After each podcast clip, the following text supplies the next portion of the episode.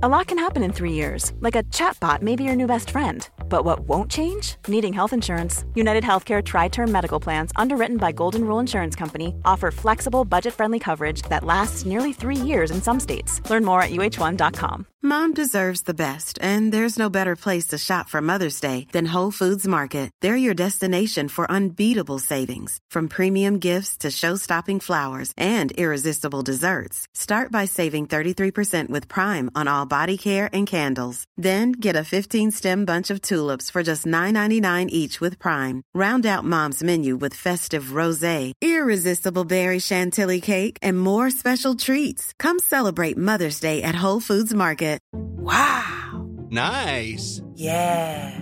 What you're hearing are the sounds of people everywhere putting on Bombas socks, underwear, and t-shirts made from absurdly soft materials that feel like plush clouds.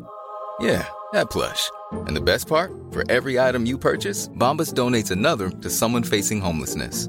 Bombas. Big comfort for everyone. Go to bombas.com slash ACAST and use code ACAST for 20% off your first purchase. That's bombas.com slash ACAST. Code ACAST. Ready to pop the question? The jewelers at BlueNile.com have got sparkle down to a science with beautiful lab-grown diamonds worthy of your most brilliant moments. Their lab-grown diamonds are independently graded and guaranteed identical to natural diamonds, and they're ready to ship to your door. Go to BlueNile.com and use promo code LISTEN to get $50 off your purchase of $500 or more. That's code LISTEN at BlueNile.com for $50 off. BlueNile.com code LISTEN. I'm amazed how many people own stocks. They, they would not be able to tell you why they own it. They couldn't say in a minute or less why they own it. Actually, you really press them down, they'd say the reason I own this is the sucker's going up.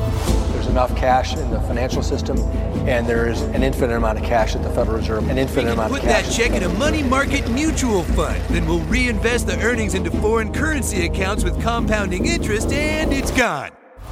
So they had to do something. All they had left was just to print money and start buying things. And that's what they did. Quick buck artists come and go with every bull market, but the steady players make it through the bear market. They say money can't buy happiness. Look at the fucking smile on my face. Hej och välkommen till ett nytt avsnitt av Market Makers. Fabian, två veckor kvar tills vi ska till, eh, vad säger man, metropolen Omaha i Nebraska. Det ska bli stort, eller hur? Det ska bli fantastiskt. Det är speciellt kul när man pratar med människor som inte riktigt vet vem Warren Buffett är. Ja. För då får man alltid frågan, jaha, Nebraska, varför då? Ja, verkligen. Ja, nej, det är en udda resa. Vi bara håller tummarna att båda gubbarna håller tills dess. Det är, men det är som sagt, nu är det inte långt kvar i alla fall. Oj, jinx. Ja, verkligen. Du la ju ut en fejkad Dagens Industri-artikel på eh, Twitter där det stod att Warren Buffett hade avlidit och det var många, många, många som googlade det, satte hjärtat i halsgropen och Jag fick skulle googla det. aldrig göra något sånt. Fy vad osmakligt. Ja, och vi pratade här lite innan vi började spela om att det är en riktig varannan dags börs just nu. Det är ganska dålig likviditet överlag väl och sen är det framförallt sådär ett steg fram, ett steg bak varenda dag. Eh, man går in och kollar, jag brukar kolla min bevakningslista innan jag loggar in och tittar lite och då känns det som att det mesta står på blått. Det mesta ser positivt ut och sen loggar man in, ja men då var det något innehav som är 3% så att man är ändå back den dagen. Och så nästa dag stiger det lite grann och så går det ner igen. Så det har stått ungefär stilla nu känns det senaste månaden. Och jag såg här faktiskt också att riskpremien just nu, nu tittar man då på USA, man kollar på S&P 500s earnings yield, det vill säga egentligen det omvända P talet kan man väl säga, eh, och jämfört den med 10-åringen, det vill säga den riskfria räntan. Eh, och just nu då är premien där för att ta risken att äga aktier, den så kallade eh, aktierisken, eller aktiepremien, eller riskpremien heter det. Där.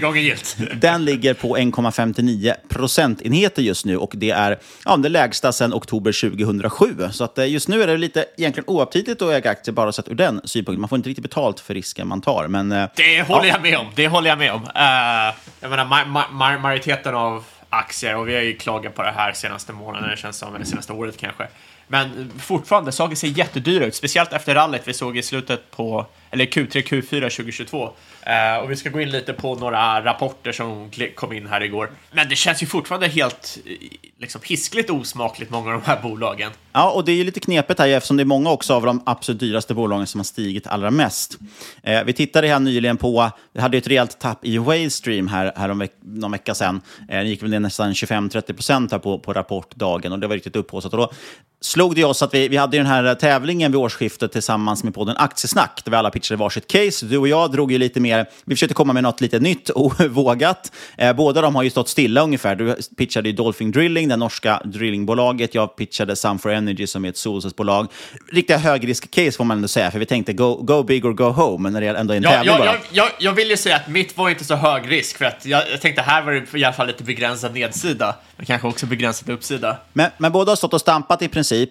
Eh, Waystream gick ju som tåget först, som eh, eh, Magnus pitchade, och den gick ju superbra, men nu har den åkt rakt ner i källaren. Och vinnare just nu, om det skulle summeras idag, men det ska ju gå till årsskiftet, så är det ju faktiskt Peter som leder med sitt Mercado Libre, som alla kanske trodde att den kommer ju kanske inte ticka på så himla bra i år. Alltså, varför ska det stora bolaget växa så mycket? Men den är väl upp 40 procent eller någonting. Och det är ju intressant, för det är en av de sektorer ändå som gått starkast, just den här stor global tech, vilket man kanske inte trodde, men det har ju väldigt mycket att göra med att inflationsförväntningarna kommit ner. Just nu tittar man ju på att inflationen kommer komma ner kanske under 3 procent inom ett år. Eh, och, eh, vilket betyder då att Fed då förhopp- beräknas ju nu höja en sista gång 25 baspunkter och sen vara klara med höjningarna. Och en del liksom, en del prognostiserar ju till och med att det kanske ska börja bli räntesänkningar snart. Eh, och det gör ju då att det är den typen av bolag som, som värderas upp helt enkelt. Och helt plötsligt kommer folk tillbaka till, till de här stora techbolagen. Så att, ja, väldigt intressant. Och som du säger, det är ju någonstans de dyra bolagen har blivit dyrare. De billiga bolagen har stått och stampat egentligen bara. Eh, småbolagsaktierna har verkligen inte gått med i det här rallyt riktigt. Nej, nej, jag håller med. Och jag, jag vill också liksom lite inne på den eh, pivoteringen av Fed och andra centralbanker. Däremot så har väl jag valt att lägga tiden på, på liksom, a, a, andra ställen, sitta på offshore och börja kika mer på mining och liknande som också liksom drar nytta av inflation, men där man ser en potentiell mångårig bull market. Ja, för det är lite skillnaden här. att Tittar man på, ska man köra pivot-caset, ja men då är det på, på kort sikt, ett kvartal eller två kvartal kanske, eh, som en sån rörelse sker. Eh, och sen är den över i princip, medans, och man sitter fortfarande med en hög risk. För köper du någonting som är väldigt dyrt och det skulle underleverera, ja då faller det ju, till exempel som Waystream då. Eh, men eh, det här handlar ju lite om att, att se det långa perspektivet, maratonperspektivet, och då är det ju andra bolag som kan vara intressanta, eh, trots att de står och stampar. Exakt, vi går in lite med det i eh, ve veckans snabba, men eh, exakt det, för liksom det är trots allt inte 2020. Du ser många av de här techbolagen som är högvärderade har inte jätteimponerande tillväxt. Men vi pratar mer om det sen. Eh, ingen rådgivning eller rekommendation sker i den här podden. Vi berättar bara om vår process och hur vi tänker. Gör alltid din egna analys och glöm aldrig att alla investeringar är förknippade med vadå Niklas? Ja, nu är jag alldeles förvirrad här tvärtom, men jag tror att det ska vara risk där på slutet. ja, vad vill du ta upp här då på veckans tre snabba? Ja, eh, jag har ju äntligen fått bestämma lite här vad vi ska prata om. Så självklart så börjar vi här med råvaror och jag liksom eh, hör de som börjar lyssna 2020, The Market Makers, tillväxtaktiepodden, var peak tech och nu pivoterat, dragit en Fed, pivoterat in i råvaror. Hur de, eh, de, de dör, fullständigt dör när de måste liksom av uttråknad. Eh, men det är fett intressant här nu. M&A inom råvarusektorn. Det har varit väldigt dött där eh, senaste tio åren, 2011 till 2021, 2022 ungefär. Men nu börjar den dra igång igen. Eh, förra året var det väl som man såg Agnico Eagle merga med Kirkland Lake, alltså två guldbolag. Och nu är Glencore, ett av världens största råvarubolag, inne i en 23 miljarder dollar hostile takeover på den kanadensiska minen Tech Resources, som bland annat är en av världens största zinkproducenter. Och röstning för det här ska faktiskt ske i eh, slutet på april. Kommer det gå igenom? Eh, det vet vi inte än. Men det som är intressant här är att det är tecken från bolag att de tror på ihållande råvarupriser och kassaflöden. Och eh, det är rätt trevligt som, eh, eh som investerare att se vart, bo, bo, vart bolagen tror marknaden kommer ta vägen härnäst. Ja, och ma sektorn överlag har ju vaknat till. Det var ett bolag häromdagen som ju fick ett bud på sig, bara för det har jag glömt bort vad bolaget hette. Och sen kom ju även Sega med ett bud på Rovio väl? Exakt. Eh, De hade väl tidigare ett bu- bud på sig som jag inte kommer ihåg vilka det var ifrån. Eh, Och sen så kom det ju då också nu ett höjt bud från Sega. Eh, Så att även där händer det ju saker. Så att eh, Rovio har varit en ganska fantastisk aktie i år, uppe över 50 procent med de här två buden som ligger på. Eh, Och apropå Rovio, det är väl inom techsektorn och då kan vi gå vidare till att nu börjar ju rapportsäsongen och techrapporterna har börjat rulla in. Mest intressant var väl egentligen Netflix tycker jag, för den var ju ner 20 procent tror jag var i efterhanden efter deras rapport. De missade ju lite grann på estimaten. Eh, Den gick ner 20 procent, men Eh, sen under de här timmarna då efter handeln så steg den ju upp från minus 20 procent och stängde väl typ plus minus noll efter den där rapporten. Rätt eh, kraftig, ex, extrem reaktion och stor volatilitet i efterhand. Exakt, vi kan säga att vi spelar in det här lunch onsdag den 19 april så att eh, marknaden har inte öppnat än så vi ser inte vad som händer. Men det, det här var ju liksom lite det vi snackade om i försnacket här för att Netflix, de kom in med liksom 3% tillväxt. Eh, marginalerna var ju ned, eh, de har minskat, trots att de har minskat content spend. Eh, det är faktiskt så att earnings per share var ned, alltså inte negativ utan det är inte lika bra tillväxt year on year. Eh, och eh, inte lika bra, vad det, vad, det, vad det jag säger, EPS var lägre än vad det var förra året. Men för, för det här ska man liksom pumpa ut 150 miljarder i en market cap. Det är noll growth, du får typ 3 miljarder fritt kassaflöde. Uh, och det är liksom lite här uh, det blir lite otrevligt att äga de här typen av bolag. För att hade man sett eh, jag menar, 50 till 100 procent eh, tillväxt, om de här bolagen fortfarande har varit så här hypergrowth, ja, då hade det väl varit okej okay i en låginflationsmiljö. Men ska de sitta och pumpa upp de här eh, bolagen samtidigt som inte kan leverera, leverera någon tillväxt och kassa, kassa earnings, då helt plötsligt, då, då, då är det inte lika, lika intressant att äga dem, även om man är en tillväxtinvesterare. Nej, jag tror att du betalar ju drygt P 30 för Netflix då, på rullande 12 i och för sig, men nu är det ju väldigt färska siffror och eh, ev ebit ja, lite under 30 också. Så att man kan absolut inte säga att det är gratis. Och det här hyllade, ja, det så tidigare så man gillade att citera PEG-talet. Eh, PEG-talet är ju minus nu, det är ju negativt med tanke på att tillväxten är negativ. Så att, som du säger, man skulle behöva 30% tillväxt för att det här skulle se väldigt attraktivt ut. Uh, exakt, exakt. Och uh, ja, det är... Uh in, inte alls nice. Jag tycker många av de här, och innan det nu liksom eh, öppnar upp idag, så har, är ju Netflix upp 13% year to date. Och det, det är sånt här man ser på alla techbolag, oavsett tillväxt eller förutsättningar. På tal om kassa techbolag, det börjar rycka lite i shortfingret, jag har inte shortat på jättelänge, men Coinbase till exempel upp 90% i år. Hur? Hur kan de vara det? De har sjuk cash burn. Eh, liksom, de står inför eventuellt stora regleringar som kan helt förstöra deras business. Eh, mediokert management, vet knappt, liksom, har noll erfarenhet inom finans. Liksom, följer han Brian Armstrong på Twitter, han pumpar ut så sjuka tweets ibland. eh, så att det inte är klokt. Det är uppenbart att han inte har någon koll på eh, liksom, sektorn han jobbar inom. Eh, bolaget har ingen moat, det finns hur många konkurrenter som helst. De har ett sjuk eh, stock-based compensation, vilket tär på kassaflöden. Men som sagt, upp 90 i år. Och det visar ju att jag tycker att det är, det här rallyt vi ser nu är på det sättet galnare än 2020, 2021. Då fanns det i alla fall någon fundamenta bakom det. Här ser du bolag som vad är det som pågår? Ingen aning. Eh, för att eh, inte finns det något fundamentalt bakom. Att, att ett bolag har extremt, liksom, extremt högvärderat när det växer extremt mycket, även om det inte har någon vinst, sure, whatever. Men nu, nu, nu blir det bara helt, helt sjukt tycker jag. Nej, men, och, och, det är lite intressant just det här med att folk köper de här bolagen. Jag tror att det är Bank for International Settlements som gör den här undersökningen och försöker mäta egentligen hur köpglada folk är. I en nedgång hur köpglada är folk och i en uppgång hur eh, säljglada är folk. Eh, eller egentligen, ah, hur rädd är man att missa en uppgång till exempel? Hur rädd är man för nedgångar och så vidare?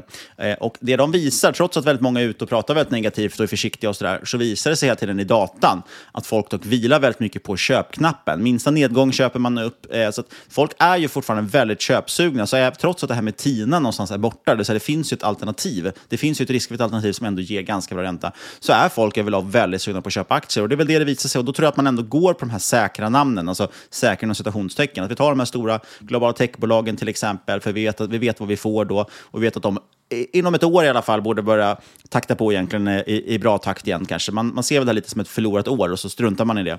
Problemet är bara att det känns som att det är tredje året i rad där vi pratar om ett förlorat år. 2020 som man förlorat år, sen kom 2021 som ah, men det är också ett förlorat år. Och sen nu 2023 verkar också räknas som ett eh, förlorat år. Alltså, det, så, såg du på tal om alternativ, såg du Apple skulle lansera 4,1% sparkonto i USA? Ja, jag såg det faktiskt. Det var lite intressant. Det är ju galet, för då har du verkligen Ja, men noll risk har du ju inte. Du har ju risk såklart, du har ju motpartsrisken.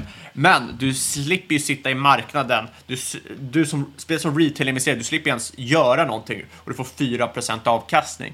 Det är ju väldigt bra. Eh, det överavkastar väl de flesta avansianerna skulle jag gissa.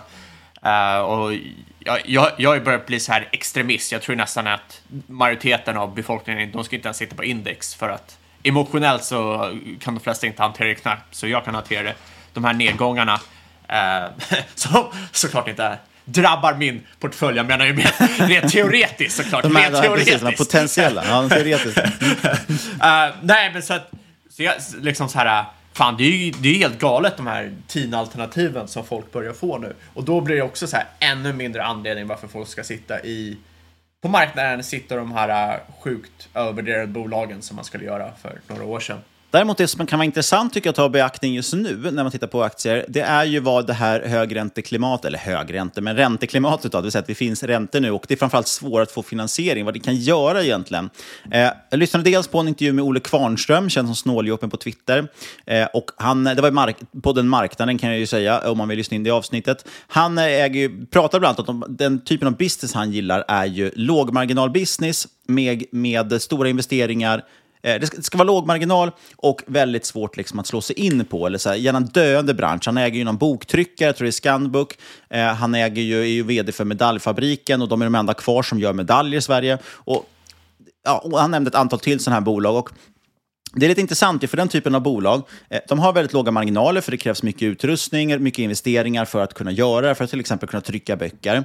Eh, och eftersom marginalerna är så små, investeringarna så stora och det är en, Loomis nämner han också som är kontanthantering, också typiskt på det här. Eh, just att det också är lite grann en lite halvdöende bransch betyder att det kommer inte komma in några konkurrenter på den marknaden. Så de få konkurrenter som är kvar, de kan du ganska snabbt äta upp och sen så är du kvar då och är det enda alternativet. Och det kan göra lite bättre för marginalerna, men framförallt är de väldigt säkra, de här pengarna pengarna du tjänar.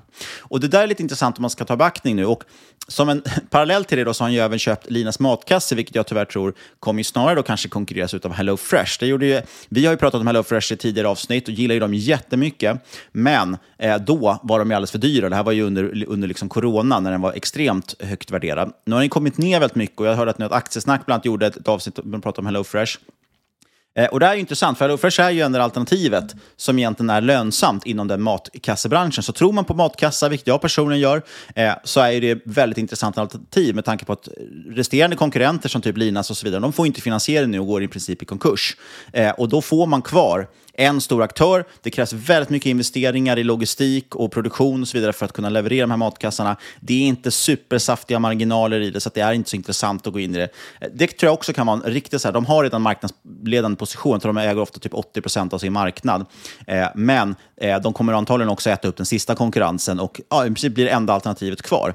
Och det där är lite intressant, det ska man ofta fundera på. Vad händer egentligen med i den här typen av branscher där det kräver, ja, hur påverkar det egentligen att finansieringsbehov, finansieringen är mycket svårare att få tag på för konkurrenterna? Och det, men det är en så här klassisk Einhorn-grej. Glid in i ett liksom, bolag, industri som bara går, går käpprätt åt helvete nästan. Eh, nej, men som, som är på nedgång, har liksom kassa, kass ROE, eh, snarare än liksom, hö, liksom hög. För det är det alla letar efter. De letar efter bolag med uh, above average avkastning på kapital Eh, men kollar du på de som har liksom rätt liksom, låga marginaler, eh, låg avkastning, men har en moat och sen liksom, kan du till exempel få till en liten förbättring där, då får du ju någon sjuk, eh, sjuk leverage. Det är liksom, har, har du jättelåga marginaler, några procent, då får du liksom 1% förbättring. Då är det ju helt galen förbättring jämfört med om du har 80% marginaler för upp till 83. Ja, verkligen. Och, och, det är intressant är just också att eh, du får ju oftast den här typen av bolag kanske till lite bättre värderingar också eftersom, speciellt då, så att det, det får gärna finnas någon form av antingen megatrend som jobbar emot dem, det vill säga tar vi då boktryckare, ett tydligt exempel, vem kommer satsa på att bygga bok? Eh, många tror kanske på att det går mer, de, de hotas av digitalisering helt enkelt. Eh, matkassar, ja det är väl ändå känns som en framtidsgrej på något sätt och är redan väldigt stort. Men just i HelloFresh har man, fick man ju en väldigt bra möjlighet i och med att den gick ner väldigt mycket för att man, man tänkte att det var coronadopat och jag tror att man överdrev lite kanske coronaeffekten eh, och sköt ner den lite för lågt. Och nu har den ju gått upp igen en hel del från botten. Men, så det är intressant. Det talar ju också någonting för det här med att man måste ha tålamod. Men vi pratade ju om det, jag kommer inte ihåg, det var ju alltså några år sedan, men måste det vara, som vi pratade om Hello Fresh. Och då var inte läget där, men har man koll då på bolaget, följer det och sen helt plötsligt ser man att nu har det gått ner väldigt mycket. Ja, det är det som är intressant. Ja. Ibland är det så med vissa bolag, eh, att man måste ha rejält med tålamod.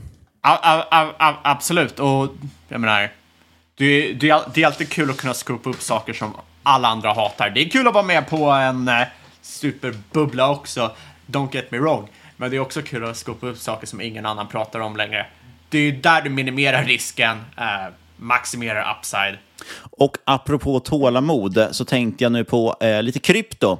Ethereum eh, har ju nu äntligen lanserat den här Shanghai-uppdateringen som den heter, där man då helt plötsligt tillåter folk att anstaka sin krypto. Och bara för att förklara det här, då, inom kryptovärlden så har man pratat om något som heter staking och vi kan väl säga att då helt plötsligt låser du in eh, din krypto och gör det till en, ja, en form av obligation, säger vi. Du får en form av direktavkastning på den helt plötsligt, eller en form av yield. Eh, inom I Ethereums fall så har det väl handlat om 7-8 procent. Tyvärr då, under den perioden så gick väl Ethereum ner 50 procent eller någonting, så det vart ju inte så bra avkastning. Eh, men nu har man lanserat en ny uppdatering då, för det gick ju inte att unstaka de här, så ta bort den här stakningen och sälja det. Eh, nu har den äntligen lanserats, så det är väl skönt för dem som har haft det. Jag har ju, har ju någon ethereum eller sådär som, som har legat stakad, så det har inte varit någon någon större position, men det ska bli ändå skönt att få loss de där pengarna till slut. Ja, det, hur... kan, man, kan man fästa upp dem istället på något roligare? Sjuk, sjukt bra, det var väl negativ yield på den stakningen. Ja, den vart inte så bra. ja, och eh, ethereum har ju gått över till proof of stake, men eh, bitcoin kör fortfarande proof of work och det drar väldigt mycket elektricitet och därför går vi vidare till Tysklands kärnkraftverk. Vad tycker du om den segwayen? Det är nästan som man borde bli programmerad för På spåret eller någonting. ja, verkligen. Eh, fantastiskt fin eh, segway där. Ja, och vad ska man säga om Tyskland? Eh, depression kanske, för nu stänger de ju sitt sista kärnkraftverk. Och jag såg en eh, liksom, grafik på det här och det var ju på 90-talet så stod kärnkraften för cirka 30 procent av Tysklands energibehov och hade de behållit det idag så hade de helt kunnat eliminera kol ur mixen. Så att, eh, och vi vet ju alla att kol är den smutsigaste energiformen. Eh, en bra miljöinsats. Ja, exakt. Liksom visar att så här, hur mycket av det här handlar om miljön versus något annat. Nej, och apropå miljö, det här har ju blivit en ny möjlighet nu för oljebolag lite grann, det här med koldioxidkrediter. Det är många bolag som inte kan ställa om till grönt på, av olika anledningar. Till exempel flygbolag har inte riktigt något alternativ. Eh, även trucking och, och eh, ja, stora sen, fartyg som de är ute och kör, kör containerfartyg och sånt. Och då så att Occidental, eh, Warren, Buffett, Warren Buffetts oljebolag som man investerade i här för något år sedan, de lägger ju nu miljarder dollar på att eh, skapa olika former av koldioxids, ja, vad säger man, Borttagning, koldioxidborttagningsstationer. De ska på olika sätt kunna lagra eller ta bort koldioxid från atmosfären. Eh, och därmed får de ut sådana här krediter från staten som de sen planerar att sälja till företag som inte klarar av att eh, uppfylla sina gröna krav. Så det är en ny affärsbusiness. Och det var väl, visst var det väl också typ ganska exakt ett år sedan det var hås inom koldioxid. Det går att investera i det på genom certifikat, CO2-certifikat, ja. som handlar om koldioxidkrediter. Och de gick ju som tåget. Exakt, det där, det där är också en eh, väldigt intressant grej. För det är inte så att Kina sitter väl inte direkt och handlar med de certen, liksom. Det är vi i Europa och lite USA-grejer. Eh, så att, eh, ja, det där är en sjukt intressant business på sina sätt. Jag ser i alla fall att det här certifikatet Bull CO2, den är ju upp alltså nästan 25 procent på ett år. Eh, så det har ju varit en, en ganska bra eh, affär. Eh, men med det sagt, vi ska väl hoppa in på lite andra grejer som har med råvaror att göra också i, i huvudavsnittet här, eller huvudtemat för avsnittet. Ja, vi snackade ju om bullmarknaden i råvaror i avsnitt 265 och eh, tänkte att vi ska återvända lite dit med lite uppdateringar kring bolagen vi pratade om då. Eh, och det betyder att idag blir det nämligen 10 guld och lite annat spännande. Ja, först ut tänkte jag att vi ska prata lite om Alphamin Resources, ticker AFM. Eh, nämnde AFM eh, kort i avsnitt 265 som en av de enda spelarna faktiskt inom TEN. Och det här är på tapeten igen eh, för att det har kommit ut så sjuka galna nyheter den här veckan, vilket är väldigt intressant. Och det är att Myanmars Wa State Uttalar jag det rätt? Ingen aning. Eh, det är alltså den självstyrande delen av Myanmar. De bannlyser eh, exploration och mining av tenn i landet från och med augusti. Och Myanmar är världens tredje största producent av tenn och eh, då det här WA State, de står för 95 procent av det här. Och liksom, anledningen varför de bannlyser det är för att eh, deras reserver håller på att ta slut helt enkelt. De vill hålla det inhemskt.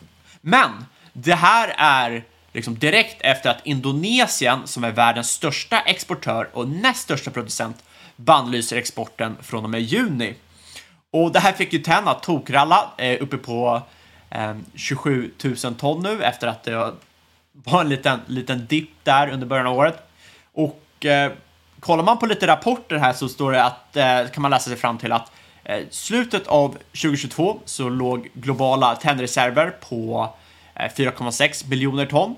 Det här är ned cirka 50 procent sedan 2000, men vi har ökande efterfrågan sedan 2000. Så det här lär falla snabbare och snabbare framgent. Eh, elbilar och eh, till exempel solpaneler står för cirka 25 procent av behovet 2025, alltså grön energi. Och det här underskottet förväntas bara växa och växa eh, för varje år som går. Eh, liksom 2025 så kommer underskottet ligga på cirka 28 000 Eh, ton, det vill säga lika mycket som Myanmar producerar. Eh, och där underskottet var ju såklart innan bortfallet av Myanmar och Indonesien. Och det gör ju att den här supply demand eh, dynamiken blir ännu mer intressant än vad den varit tidigare. Och en av pelarna här i tentesen som sagt är att det finns få legitima spelare och eh, Alphamin är just en av de spelare eh, som är intressanta, även då om de sitter i en högrisk eh, jurisdiction som eh, är Kongo. Kongo kanske inte är liksom den eh, eh, liksom minst riskabla området, men man får ta tag i vad man haver.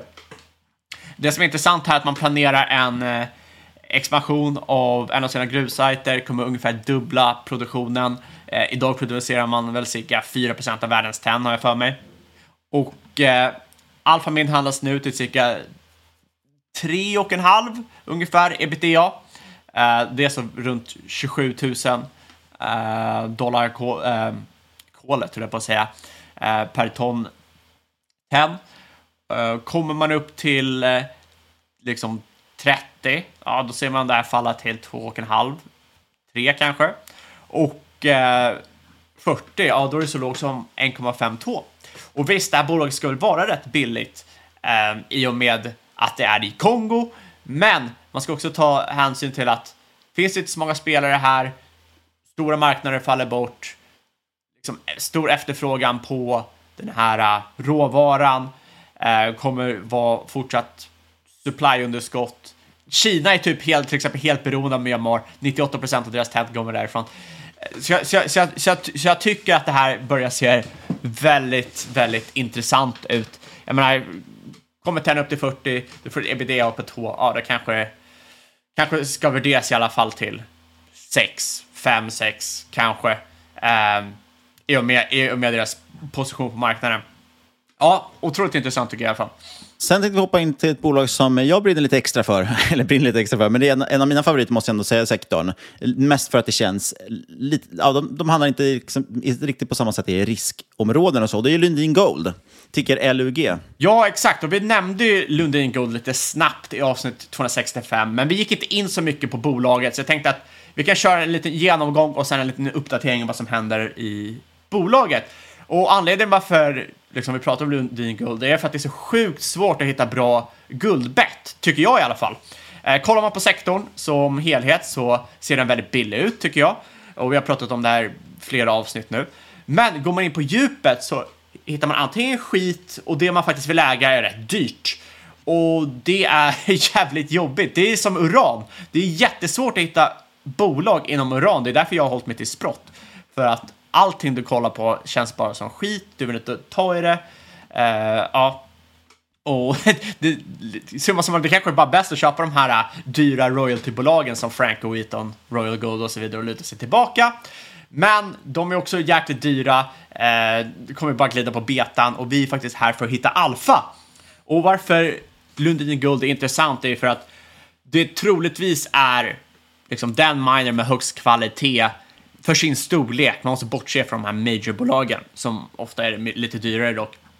Eh, men ska man gå in på majors så tycker jag man nästan lika gärna kan äga liksom GDX ETFen, slippa göra sin egen analys, för det, de står ju för majoriteten av det, det indexet.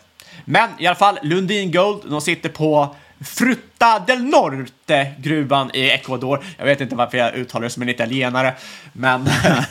jag tänkte säga det, märks att du har varit i Spanien med det här klockrena uttalet.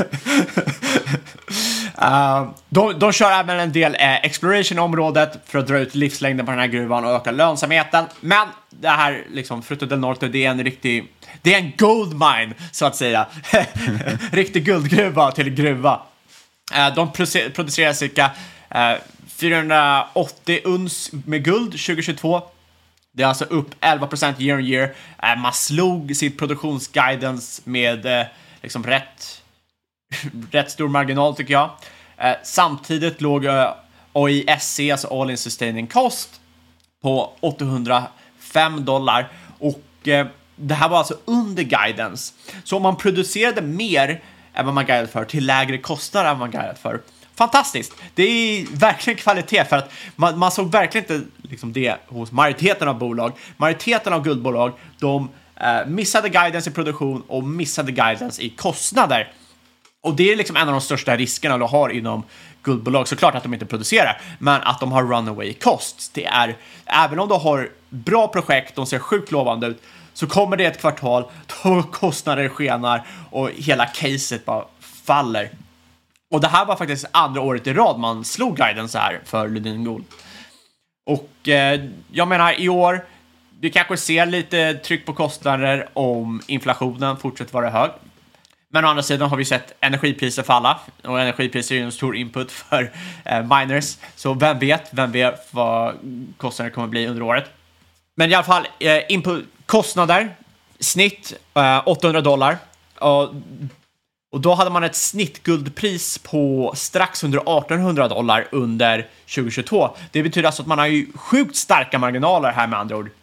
Eh, kostnaderna är faktiskt långt under branschsnittet. Branschsnittet ligger på 1300 dollar per uns guld. Och det här är till och med hos... Då ligger man ju 50 procent under det. Exakt! Och liksom, det här är till och med hos vissa majors som ska ha economies Eller scale. förlåt, snittet ligger 50 procent över uh, Lundin, Mining, eh, Lundin Golds. Eh, så att för ett så här relativt litet bolag att ha sådana bra ekonomi är otroligt intressant. Ja, man, hade, man drog in cirka 800 miljoner dollar omsättning. Det var också upp 11 procent year on year.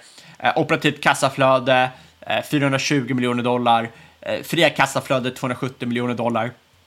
Så att eh, du som aktieägare får i alla fall ut lite pengar här, vilket är eh, bra. Det är, liksom, det är en av de mest lönsamma producenterna med andra ord. Nettoskuld på 305 miljoner och direktavkastning på 3 procent. Eh, bolaget guidar eh, liksom väldigt positivt 2023. Eh, som mest kommer man väl utvinna 475 tusen uns med guld. Aningen lägre än för faktiska utfallet för 2022, men eh, man guidar också liksom lite högre eh, kostnader, som mest på 940 dollar. Så att man kan ju tolka det här negativt, men man ska ju komma ihåg att de är ju rätt konservativa nu med sin guidance. De har ju slagit guidance två år i rad, så det finns ju uppsiderisk här att de slår sin produktionsguidance och slår sin kostnadsguidance. Imponerande också att Lundin Gold har väldigt hög replacement of reserves, ligger på 115 procent, vilket är topp i branschen. Och då kan man ställa sig frågan varför är det här viktigt? Jo, för att det finns en ändlig livslängd på gruvor. Så om eh, liksom, bolaget inte till slut vill gå omkull så måste man hitta mer guld och ersätta det man har grävt upp. Och eh, det är ju just det Lundin Gold gör här och som sagt, de är ju topp i branschen och det är därför de får en liten premievärdering, vilket vi ska gå in på senare. Eh, cash som de får kommer eh, framförallt läggas på exploration, vilket behövs, eh, expansion, vilket kommer behövas, betala ner skulder, bra för oss aktieägare, och eventuellt lite M&A där man siktar på diversifiering bort från Ecuador eh, in i liksom, en annan geografi. Vilket kan vara bra, beroende på vart de gäller så kommer ju bolaget få en annorlunda värdering här. Eh, olika geografier har ju liksom lite premievärdering för att det är säkrare och så vidare. Eh, man har redan nu fått insikt i Q1 2023 eh, och det visar sig vara ett riktigt monster och det ger ju lite bevis på att de kanske har varit lite konservativa i sitt guidance. Eh, Delårsrapporten kommer 10 maj, men man vet nu att det är all time high i produktion. Man har kommit in på 140 000 uns med guld under Q1 eh, 2023. Det här kan jämföras med 121 000 förra året. Eh, detta samtidigt som eh, man hade all time high i recoveries och grade. Eh, och det här betyder alltså hur mycket guld man får ut i malmen och koncentration av guld i malmen. Lundin Gold, de är inte superbilliga just nu, eh, i alla fall om man ska vara lite konservativ. Eh, market cap på 3 miljarder, nettoskuld eh, på cirka 300 miljoner och Eh, de handlas till ett PNAV på cirka 1,2. Sen kanske det är motiverat att de ska handla eftersom de har en eh, liksom högre replenishment rate, att de, de hittar ju nya reserver och så vidare. Kanske har en premie för att de har eh, hög kvalitet, liksom höga marginaler, slår guidance och så vidare. Och som sagt, där om man är rätt konservativ med guldpriset, man tror inte på ett supertok-rally, kanske att det ska dras ner lite igen, guldet ska komma ner lite igen. Uh, så med det här så kanske man inte måste slänga sig på köpknappen, men om det sker en dipp uh, så är det nog inte helt fel att köpa om man är positiv till guldpriset. Nej, det ska tilläggas att aktien är upp 30% sedan årsskiftet, så jag menar, den har ju gått ganska mycket. Uh... E e e exakt, och det är det, det jag säger. Alltså, Eh, man måste tänka på att köper man ett bolag med liksom PNAB över 1. då får man ju negativ carry. För då värderar man ju liksom bolaget över de faktiska kassaflöden det någonsin kommer generera. Eh, vilket man kan ju räkna på eftersom gruvan är ändlig. Så att det är lite lättare i alla fall att räkna på än ett bolag där det är mycket mer teori. Då måste de ju komma liksom och hitta ny eh, guld som du ska kunna gräva upp och så vidare och så vidare. Eh, däremot så ska man ju ha med sig att i en galen bullmarknad så kan man nog förvänta sig att liksom, högkvalitetsbolag eh, får en premiumvärdering, eh, det vill säga att PNAV är över ett. Det ser liksom redan det nu hos vissa andra större miners. Eh, så att, så att det behöver inte nödvändigtvis vara fel. Också när du har replenishment rate, det är inte konstigt då att liksom PNAV är över ett. Men det gör ju att det inte är billigt, man får inte lika mycket uh, margin of safety ifall guld, guldet skulle falla mycket. Eh, som sagt, tycker inte direkt man måste slänga sig på köpknappen just nu, men det som är intressant med Ludin Guld och varför jag tycker om det, det är för att det är en säker spelare, man löper låg risk till utspädning till skillnad från många andra spelare inom mining, där de bara emitterar nya aktier hela, hela jäkla tiden. Eh, men man ska också ha med sig här att det är en single asset play, det vill säga man har tillgång till sin Fruto del Norte-gruva eh, liksom händer någonting med den gruvan så är det såklart jäkligt tråkigt för bolaget, för då kommer det ju drabba kassaflöden i bolaget. Um, nu tror jag inte Ecuador har den risken, men drar de med Myanmar eller Indonesien till exempel fast för sitt guld, ja, då är det jäkligt synd om Lundin Gold. Ja, har du med på din bevakningslista som du vill prata om? Ja, och det, det här... Jag, jag har ju lagt upp det så här, va.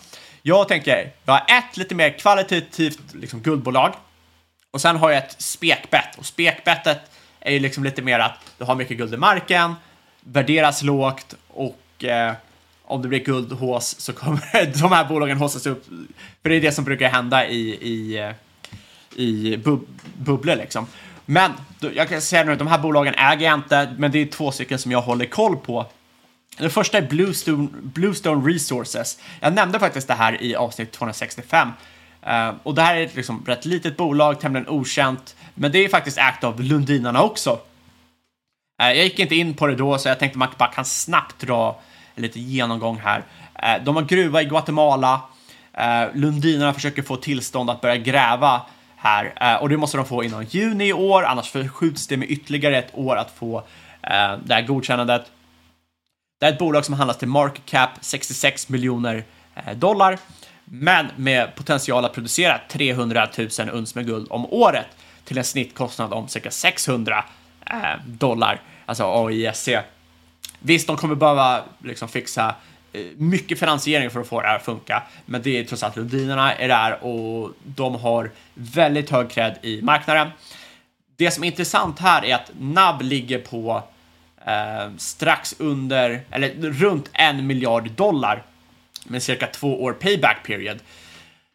Så, du, så att du, du får ju väldigt stor, eh, eh väldigt skevhet här när det potentiellt har en gruva med NAV en miljard, du kan handla den för under 100. Visst, jag tycker inte att någon ska köpa det här just nu. Eh, permiten måste gå igenom och så vidare. Men det här har blivit rätt nedsålt för att ingenting har hänt. Eh, och skulle Permit gå igenom så tror jag att det kan bli högintressant som eh, Lundins nästa projekt. Och sen ett annat spekbett jag kikar på är Osisko Mining. Eh, Osisko har en gruva, en Windfall-gruva i Kanada, eh, som har möjlighet att bli liksom, en otroligt fin högmarginal höggrade-gruva. Man har alltså inte heller påbörjat produktion här, eh, men det här är en av de största discoveries på 100 år. Eh, 10 miljoner unsgruva. Och eh, dessutom är det i Kanada, det är liksom ett säkert område, ger premievärdering. Och här kommer man också kunna producera cirka 300 till 400 000 eh, uns om året, snittkostnad eh, cirka 800 dollar. Vilket, liksom, då är det ju samma ekonomi som, eller samma ekonomi som eh, Lundin Gold. Det här är liksom en raritet, som man säger, i sektorn i termer av kvalitet. Eh, liksom, gruvan klassas i samma rang som Lundin Gold, fast i bättre jurisdiction. För att du har liksom samma typ av marginaler, du har samma kvalitet på gruvan och eh, guldet. Men även här måste man få igenom en permit. Troligtvis kommer inte det här vara några problem då man är väldigt långt ute i Quebec. Eh, man kommer kunna skapa nästan 20 000 jobb, bidra med cirka 2 miljarder till Quebecs BNP. Och dessutom är det låg miljöpåverkan för det är en liten, väldigt liten area det handlar om. Eh, handlas till market cap på 1,5 miljarder just nu. Eh, PNAV, beroende på hur man räknar här, men PNAV på ungefär 1,3, minst två år ut till man faktiskt börjar producera guld. Så jag tycker inte alls det ser särskilt billigt ut just nu, men eh, jag tycker att det här är någonting man ska hålla koll på. Det kommer komma perioder där det här säljs av och då tror jag speciellt när man närmar sig eh, liksom, produktion, man faktiskt börjar gräva upp guld, kan det bli otroligt intressant. Potentiellt bli, bli ett kommande Lundin Mining, fast som sagt i bättre område. Uh, kan lägga till att det, det, det ska inte gå in så mycket på management, det är ett prima management som har bra erfarenhet. Och eh, ja, tycker att de här två liksom, som jag precis nämnt är kanske inte värt att köpa just nu, men jättevärt att hålla koll på för det kan bli otroligt intressanta möjligheter. Speciellt om vi ser en eh, guldhås som jag tror eventuellt kommer komma eller fortsätta. Beror på hur man ser på det. Ja, men intressant. En superintressant marknad och, och det går lite tillbaka till det som jag pratade om med att man, ibland är det lite tålamodsspel också. Att man identifierar kandidaterna innan det drar iväg eh, och sen kan man bevaka de här bolagen lite grann och vänta in i rätt läge att köpa. Ja, det tycker jag. För att jag, alltså jag läser mycket om att folk tycker att eh, liksom, alla sitter och kollar guld nu, liksom, att det är all time high i guldsökningar på Google. Men jag ser verkligen ingen som pratar om guld. Så att det blir liksom så två eh, konfliktande sidor. Eh, så jag vet inte om det är många som har någon typ av Twitter-bias och liknande, men det är långt ifrån att du slår, liksom, slår upp DI eller någonting och ser dem ja, här är feta guldgruvan eller köp guld och så vidare. Eh, som jag tror att det måste hända om du ska se toppen, någon typ av guldbubbla. Nej, det håller jag verkligen med om. Ja, och för transparensens skull äger vi något av de här bolagen. Jag har inte något innehav i det här. Jag önskar dock att jag köpte Lundin Mining när vi pratade om det sist, den är upp rejält sen jag, jag äger faktiskt Lundin uh, Gold. Ja, Gold menar jag, förlåt, inte Mining. Ja, jag, jag äger Lundin Gold och uh, Alphamin Resources. Men som sagt, jag har inte de största positionerna nu, tycker kanske inte att det är värt att liksom size upp. Eller som sagt, jag har, inte, jag har inte en hel position om man säger så. Nej. Bara för att jag tycker att det är bättre att vänta in bättre priser. Men du tog ändå alfamin och inte betamin och det låter bra tycker jag. Själv äter jag bara vitamin. Oavsett vad vi säger i den här podcasten... Po Oavsett vad vi säger i den här podcasten ska du komma åt inte någon rådgivning eller rekommendation. Alla åsikter var egna eller gäst och eventuella sponsorer tar inget ansvar för det som sägs i podden. Tänk på att alla investeringar är förknippade med risk och sker under eget ansvar. Och vill du kontakta oss, hur gör man det då?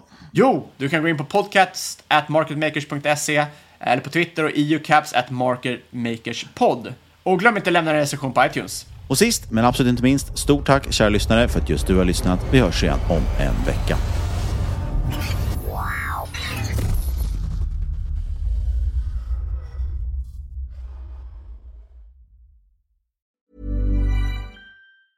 Planning for your next trip? Elevate your travel style with Quince. Quince has all the jet-setting essentials you'll want for your next getaway, like European linen premium luggage options, buttery soft Italian leather bags, and so much more. And is all priced at 50 to 80% less than similar brands. Plus, Quince only works with factories that use safe and ethical manufacturing practices.